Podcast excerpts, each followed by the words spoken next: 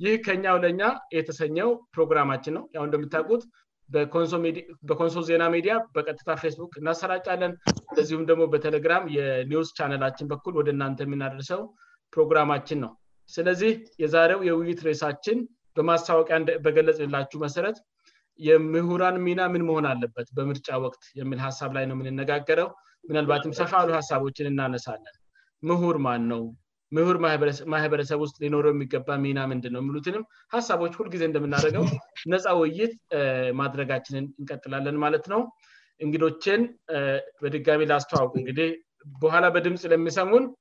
ቀደም ብዬ ማስተዋወቀን ስለማያውቁም ይሄ ያገዶናት ይባላለው በዚህ በኩል ደግሞ የሚታዩት ጓደኛችን ወይም ወንድማችን ሰለሞን ሶካ አለ ከእኛ ጋለውይይት የመጣ እንደዚሁም ደግሞ ከዚህ በፊት አብረን የምንወያይ ጓደኛችን አለ ጋይቦ ጋጋብሻ ይባላል ጋይቦ ከአሜሪካ ነው ወንድማችን ሰለሞን ደግሞ ያው ከኢትዮጵያ ነው እኔ ደግሞ ከፊንላንድ ነው ወደ እናንተ የመጣ ነው የፕሮግራሙ ዋና መሪ የሆነው ወንድማችን ካፍትላይ ከአርባ ምንች ዛሬ ኔትወርክ እያስቸገደው ስለሆነ አልገባም በኋላ ስገባ እሱ ሃላፍነቱን መረከብ ከቻለ መሀል ላይም ቢሆን ሃላፍነቱን ተረክቦ ፕሮግራማችንን ይንቀጥላልን እሺ እንግዲህ ውይይታችንን ለመጀመር ያህልወይም ለመክፈት ያህል እንግዲህ ዋና ሬሳችን የምሁራን ሚና ምን መሆን አለበት በምርጫ ሂደት ዙሪያ የሚል ሀሳብ ላይ ነው ምንነጋገረው በነገራችን ላይ በዚህ ውይይት ላይ ሁላችንም የቀረብ ነው እንደ ግለሰብ ነው ወይም እንደአንድ የኮንሶ ተወላጅና እንደ አንድ የኮንሶ የተማሪ ሰው ነው እንጂ የፖለቲካ ድርጅትን የማንወክልም ሚዲያን የማንወክልም ኮንሶ ዲ የንወክልም በዚህ ሀሳብ ላይ ስንነጋገር ማለት ነው ስለዚህ ነፃ ውይይት መሆኑን እንድትገነዘቡንን ይፈልጋል ስ በነጻነት የምሰማንን የምንረዳውን ወይም የሚገባንን በዚህ ሬሰ ጉዳይ ዙሪያ እንደተማሪ አንድ የኮንሶ ልጅ የምንወያይበት ይሆናል ማለት ነው ሀሳቡን ለመክፈት ያህል ከጽንሰ ሀሳቡን ጀምር ለወንድሜ ለሰለሞን እድሉ የሚሰጠው በቅድሚያ እስኪ ከሀሳቡን ጀምር ምሁር ማለት ምን ማለት ነው ማህበረሰብ ውስጥም ደግሞ ምሁር ብለን የምንጠራቸው ሰዎች ምን አይነት ሰዎች ናቸው ከምለውን ጀምር ስት የአንተን አንደርስታንድንግ ለአድማጭ ተመልካቾቻችን ር እንድታደረግ ጠይቃለሁእ አመሰግናሉ ወንድም ያብሎ ድምጻ ይሰማል ይሰማል ቆንጮ ነው ምሁር ማለት ምን ማለት ነው ለሚለው ጥያቄ በእኔ እይታ አንድ ምሁር የምንለው ሰው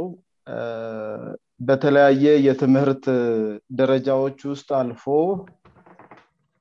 በመረጠው ፊልድ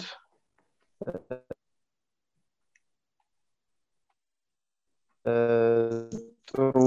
የሚባል እውቀት ክህሎትእና ችሎታን ባካበተው እውቀት ችሎታና ክህሎቶች ደግሞ በማህበረሰቡ በሚኖርበት አካባቢ በተሰማራበት ኢንዱስትሪ ለሚፈጠሩት ችግሮች መፍትሄ መስጠት የምችል ቁመና ያለው ሰው ማለት ነው ምሁር ማለት በአንድ ማህበረሰብ ውስጥ ምሁር ልባሉ የምችሉ የህብረተሰብ የተለያዩ ዘርፎችን ማየት እንችላለን በማህበረሰባችን ውስጥ አንድ ሰው ተምሮ አሁን ባልኩት ወይ በተወሰነ አቅጣጫ ወይም ዘርፍ ክህሎት ሊያዳብር ይችላል ላይ በጤናው ዘርፍ ልንወስድ እንችላለን በጤናው ዘርፍ ደግሞ እንዲሁ በጥቅሉ ነው ጤና የምንለው ግን ጤና ውስጥ ደግሞ ብዙ ደረጃዎች አሉ በክህሎት ደረጃ የሚሰሩ በእውቀት ደረጃ የሚሰሩ በምርምር ደረጃ የሚሰሩ የተለያዩ ስራዎች አሉ ጀነራል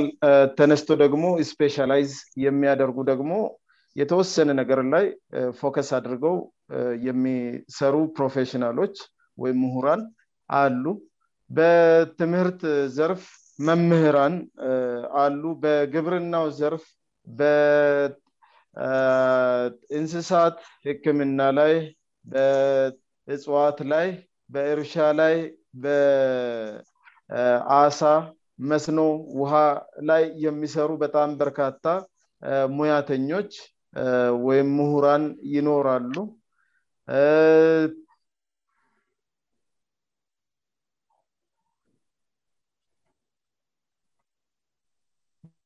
በቴክኖሎጂእና በኢንጂኒሪንግ እንደዚሁ በርካታ ሳይንስ እና ረከጡ ቴክኖሎጂዎችን የሚያመርቱ ኢንጂነሮች ሪሰርቸሮች አሉ ማለት ነው እነህ ሁሉ እንግዲህ አንድን ማህበረሰብ ለማገልገል በተለያየ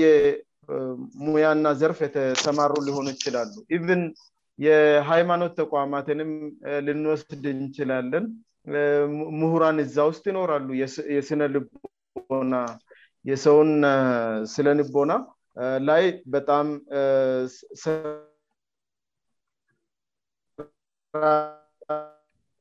የሚሰሩ ግብረገብነት እንድኖርን ምሁራንጎራ ልንቆጥራቸው ዘርፍም ልንወስድ እንችላለን ነጋዴ ሆኖ እንግዲህ ኤንተርፕሬነሮች ና የሚባሉት በእንግሊዝኛው ስራ ፈጣሪዎች ናቸው ኤንተርፕሬነሮች የማህበረሰቡን ችግር በተጨባጭ የሚፈቱ ናቸው የህብረተሰቡን ፍላጎት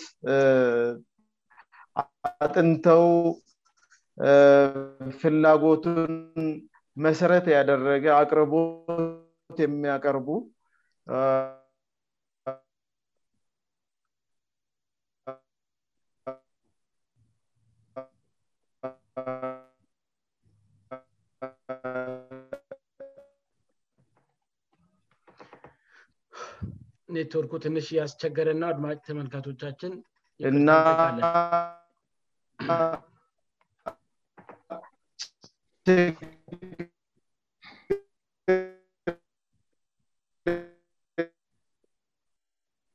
ትንሽ ያስቸግረላ አይሰማ ማለ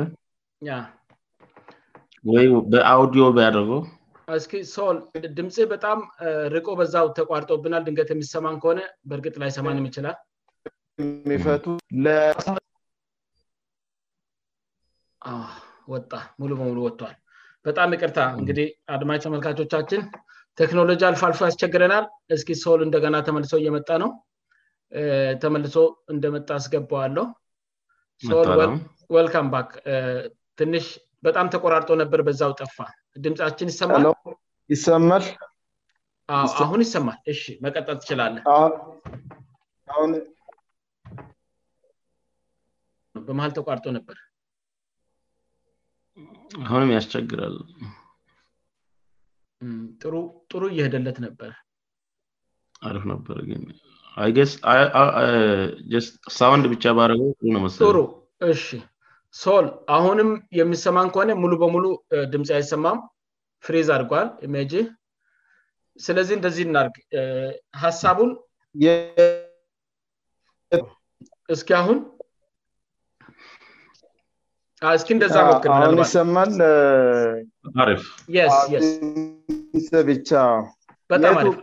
የቱ ጋ ነበር የተቋረጠው ግን ይስለንርስ ያራ ነበር ስለንፕር የነጋዴዎቹን ፓርቲ በር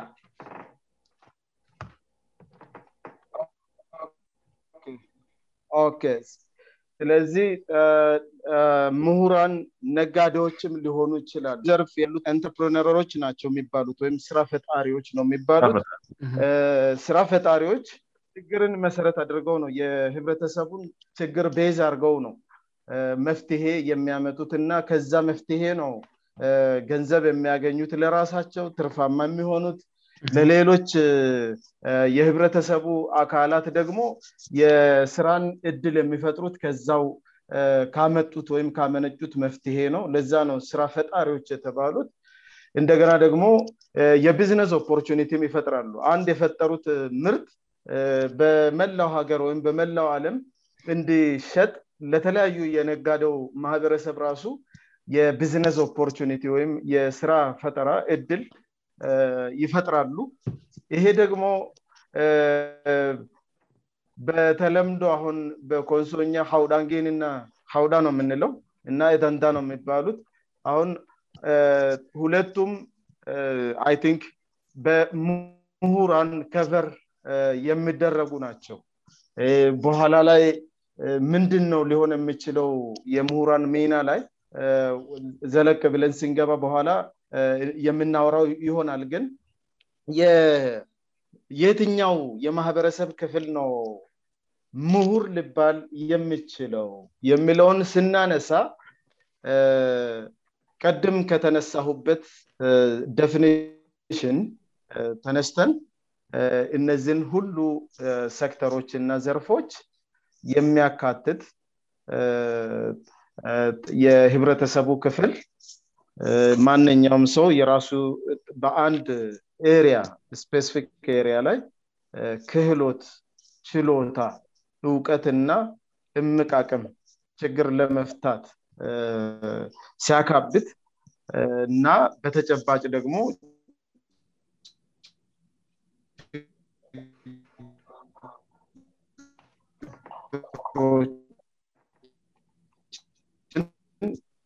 ሲፈታ ደቂቅ እስከ ረቂቅ ድረስ ያሉ ስራዎችን የሚሰሩ በማህበራዊ ዘርፍ የተሰማሩ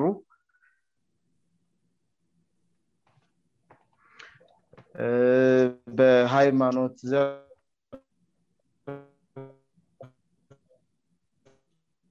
ርንች የስነ ልቦና ባለሙያዎች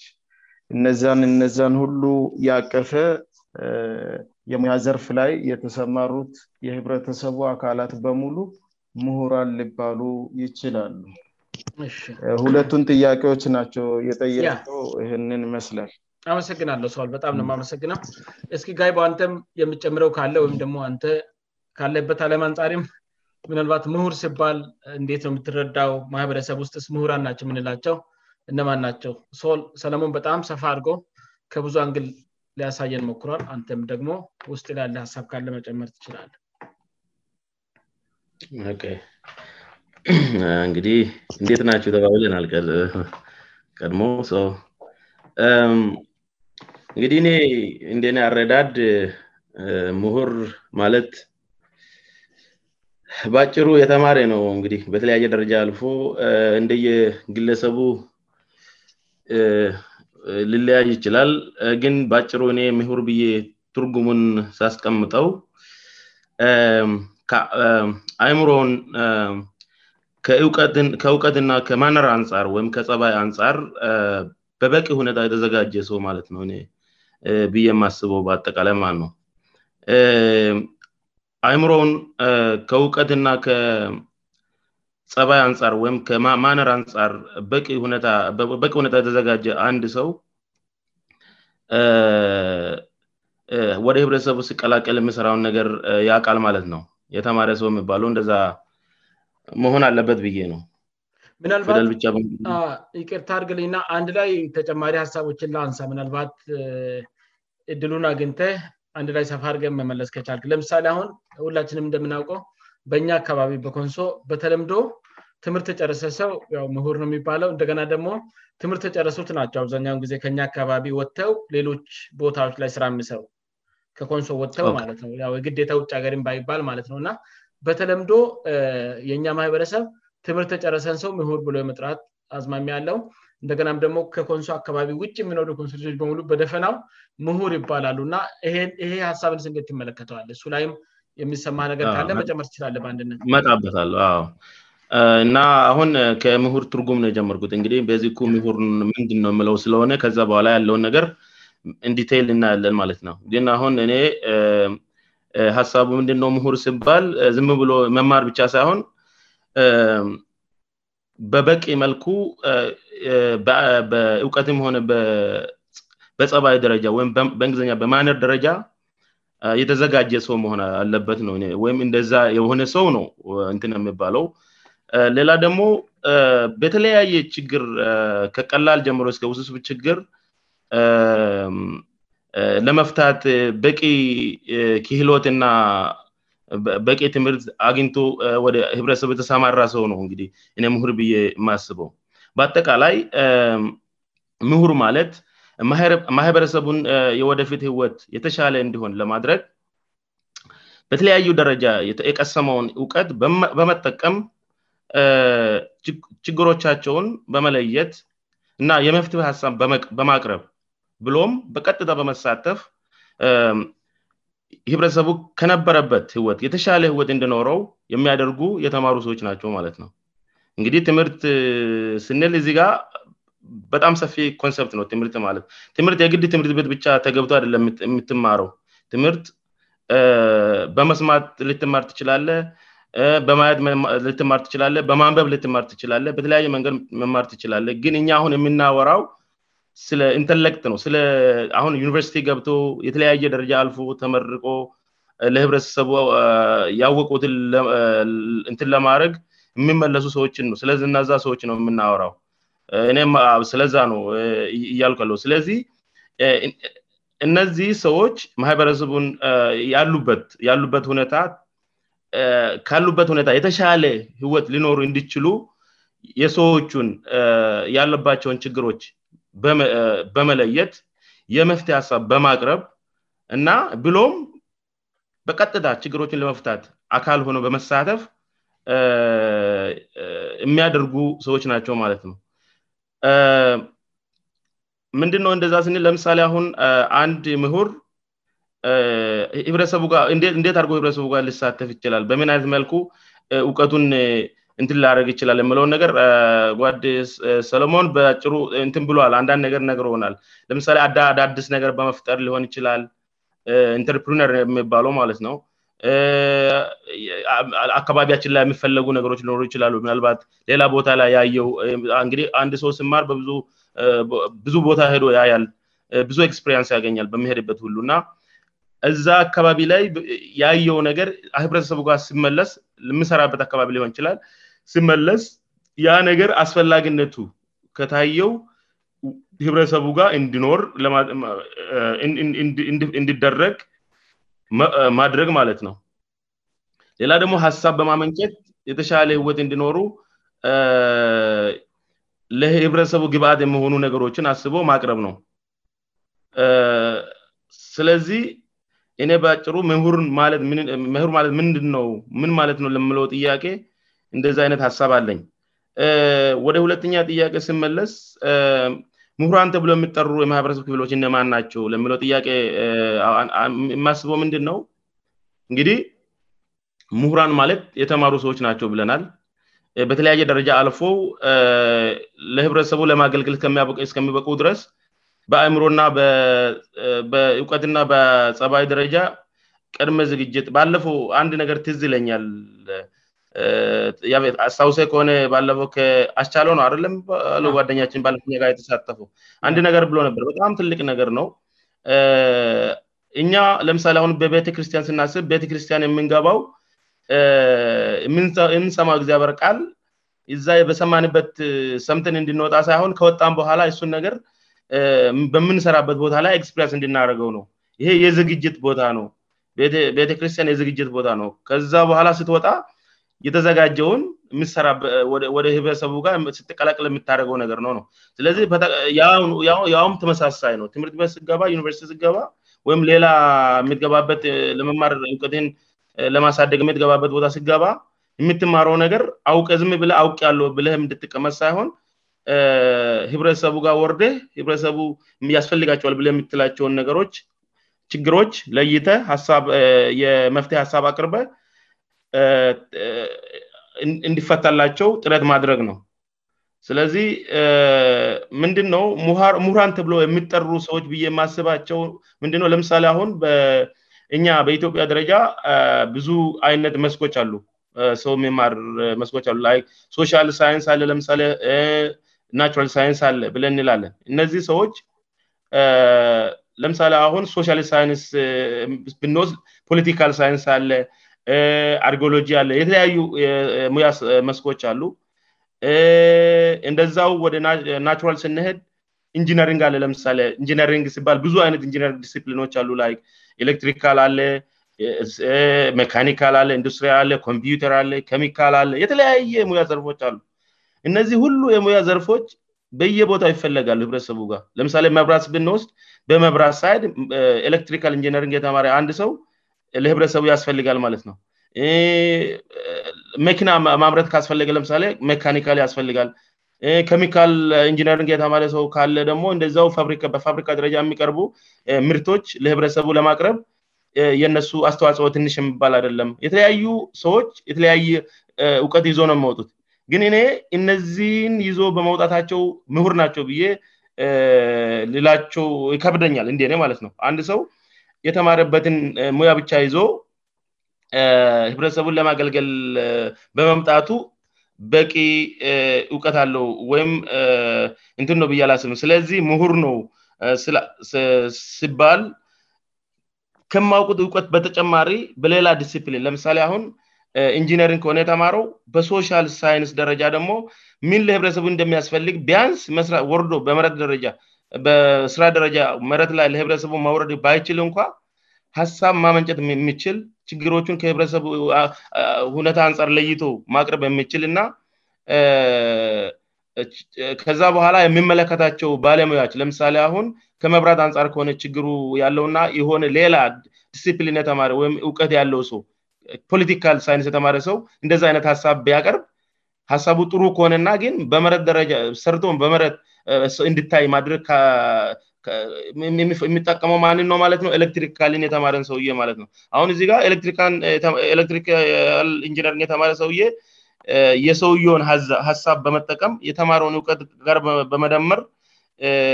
ችግሮቹን መፍታት ይችላልማነው ይህን እንደ ኤግዛምፕል ነው ያሰርጉት እን ብዙ ነገሮች ማለት ይቻላል ስለዚህ ሙሁራን ተብሎ የሚጠሩ ማህበረሰቦች እነዚህን የተለያዩ ዲሲፕሊኖች የተለያዩ የዲፓርትመንት መስኮች ተቀላቅለው በተለያየ እውቀት ደረጃ ተሻግረው ህብረተሰቡ ጋር እስከሚቀላቅ መቸም እቀት አያልቅም እናቃለን እውቀት ሰው ይማራል ይማራል ይማራል ባህር ነው እውቀት አያልቅም ግን እስካወቁ ድረስ ባወቁት እውቀት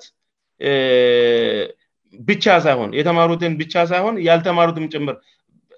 ምክንያቱ ምንድንነው አሁን ለምሳሌ እኔ ስማር የተለያየ ነገር የተረዳውት ከራሴ ማለት ነው ራስን እንክስፕያንስወስዳሉ ትምህርት ብዙ ነገር ያስደርጋል አይምሮህም በጣም ሰፋ እንደሆን ያደርጋል አንደኛ ስትሬስ ያደርጋል አንድ የሆነ ፈተና ለመፈተን የተለያየ መጽሐፍ ታገላበጣለ የተለያየ ችግር ታል ዛ የምንድነው ራሲን ሰፋ አርገ እንድታስብ ያደረጋል ዳይሜንሽናሊ ወይም በየአቅጣጫ እንድታስብ ያደርጋል ቀጥታ አታስብ አንድ ነገር ስታደርግ ከተለያየ አንግልት እንድታይ ይረዳሃል ማለት ነው ስለዚህ እንደዛ ነው የሚማስበው ስለዚህ ምሁራን ተብሎ የሚልጠሩ ሰዎች እነዚህን ሁሉ ቆጥሬ የማልጨርሳቸው ሁሉ ከእውቀትም ሆነ ከጸባይ ደረጃ በቂ ሆነ ውቀት ይዞ ተዘጋጅተ ወደ ህብረተሰብ የሚሰማሩ ሰዎች ናቸው ብዬ አስባሉ ትምህርት የጨረሱ ሰዎች ሁሉ ምሁር ናቸው ወይ ለምለው ጥያቄ ደግሞ አንድ የገባኝ ነገር ምንድን ነው በርግጥ እንደየሰውየው ሊወሰን ይችላል አይደለምም ነም ማለት ምንችለው ውን የሰውየን ሁኔታ አይተን ነው አይምሮ በበቁ ሁነታ ከተዘጋጀ አንድ ሰው ከተማሩ እውቀት በተጨማሪ ለምሳሌ አሁን ወደኛ አካባቢ ስንወርድ የተለያዩ ነገሮች ያስፈልጋሉ ኔ አሁን ተማርለምሳ በኢንጂኒሪንግ ነው የተማረኩት ኢንጂኒሪንግ የራሰ ዲስሲፕሊን በደንብ ድር አቃለ ቢወርድ በደንብ አድርገ ይሰራለ ግን ይሄ ከእኔ ሙያ በተጨማሪ ለምሳሌ በመረጥ ያሉ ነገሮች ለምሳ መንገድ ያስፈልጋለይ ለምሳ ሲቪል እንጂኒሮች ስራ ነው ውሃ ለተር ኢንጂኒሪንች ስራነው ሌላሌላ ነገሮች ሊኖሩ ይችላሉ ብረሰብ የሚያስፈል ነገሮች እነዚህን ነገሮች ክሪትሳይዝ ማድደግ ይችላሉ ከዚህ ሆ ለምሳሌ ፖሊቲካል ሳይንስ ሊሆን ይችላል ግን እኔ ከሚገባኝ አንጻር ሎጂካሊ አንድርስታንድ ካረኩት አንፃር ይሄ ነገር በዚህ አይነት መልኩ ብሆን የተሻለ ነው እንደዚህ ደረግ የተሻለ ነው ብዬ ሳጀስ ያደረጋሉ ማለት ነው ስለዚህ አሁን እዚህ ጋር ምንድነው አሁን ትምህርት ተጨረሰ ሰው ሁሉ ምሁር አይደለም ብዬ ማለት አልችልም ምናልባት ሰውየ ሁኔታ ይወስናል እንደየኤክስፖሩ ነው ሰውየው ራሱን ለምሳሌ አሁን እኛ ሶስት ነን ብዙ ጊዜ አሁን ወንድማችን መጣን ስትጊዜ እናወራለን ብዙ ጊዜ ያ ማለት እኛ ምሁር ሆነ አይደለም ሌላው የተሻለ አውቀን ማለት አይደለም ግን ሰዎቹ ደፍሮው የራሳቸውን ሀሳብ ለመግለጽ ምናልባት ፍርሃት ሊሆን ይችላል ወይም በራሳቸው ምክንያት ነው እንትንማአይሉት እና በዚህና በመሳሰሉ ምክንያት ላይቀርቡ ይችላሉ ማለት ነው ስለዚህ ምሁር እኔ በዚህ አይነት መልኩ ነው ልመለከት የምችለው ማለት ነው አመሰግናለሁ በጣም ንውማመሰግነው ጋይቦ አይንክ uh, ወንድማችን ሰለሞን ካስቀመጣቸው ሀሳቦች ጋር uh, ተጨማሪ ሀሳቦችን ሰጥትሆናል በጣም ነው የምናመሰግነው እስ ወደ ሰለሞን ልመለስና ምናልባት ለጋይቦ መጨረሻ ላይ ያቀረብኳቸውን ሀሳቦች እሱ ሪፍሌክት እንዲያደረግበት ሊጠይቅ ወንድማችን ሰለሞን ወደ አንተ ተመልሻለው uh, እንግዲህ ቅድም ለጋይቦ እየነገርኩት ነበርእና በተለምዶ በእኛ በኮንሶ ማህበረሰብ የተማረሰው ወይም ደ ትምህርት የጨረሰ ሰው ትምህርት የጨረሰ ስንፍ መደበኛውን እስከ አስራ ሁለት ያለው ማለታችን ነው ቀጥሎ ኮሌጅም የገባ ሰው በጠቃላይ ከፍ ያለ ትምህርት ያለው በሙሉ ምሁር ይባላል እንደገናም ደግሞ በስራ ምክንያት ነው የእኛ ሰው በብዛት የሚወጣው በንግድ ምክንያት አደለም ከኮንሶ ውጭ የሚኖሩትንም የኮንሶ ልጆች ወይም ተወላጆች እንደ ምሁር ይቆጠራሉ በደፈና ባይ ዲፎልት ማለት ነውእና እሱም በተመለከተ የምትለው ነገር ይኖራል ወይ ልክ ነው ወይስ ልክ አደለም የሚለውን ሀሳብ እስ ሪፍሌክት አርግና ይህንን ሀሳብ ወደ መዝጋቱ እሄዳለን እና ወደሚቀጥለው እናልፋለን